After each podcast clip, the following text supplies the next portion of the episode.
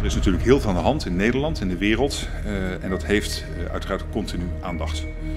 Uh, allereerst is daar toch. Mensen willen graag blijven geloven dat ze een soort beschermer hebben in de overheid. Weet je, die democratische rechtsstaat bestaat niet meer.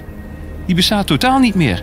Er kan geen democratische rechtsstaat zijn waarin een regering of een overheid grote groepen mensen ehm, onteigent en van hun land stuurt en van hun gezinsinkomen uh, beroofd. Dat, dat, is geen, geen democratische rechtsstaat meer. dus uh, het is door de politiek zelf uh, ondermijnd. Het hele fundament is eronder gesloopt.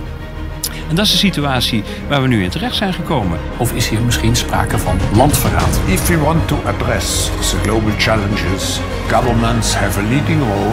Governments have a leading role. We hebben dieptepunt na dieptepunt.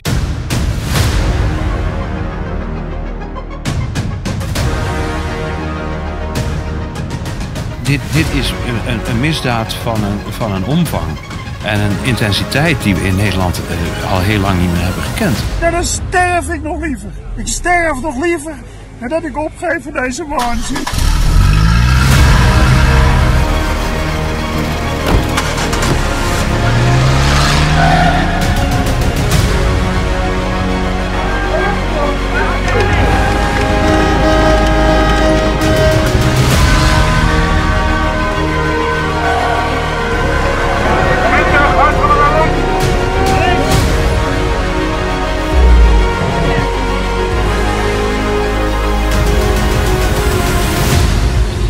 Enig mogelijke bevrijding kan komen vanuit de proles, vanuit de bevolking, vanuit het gewone volk.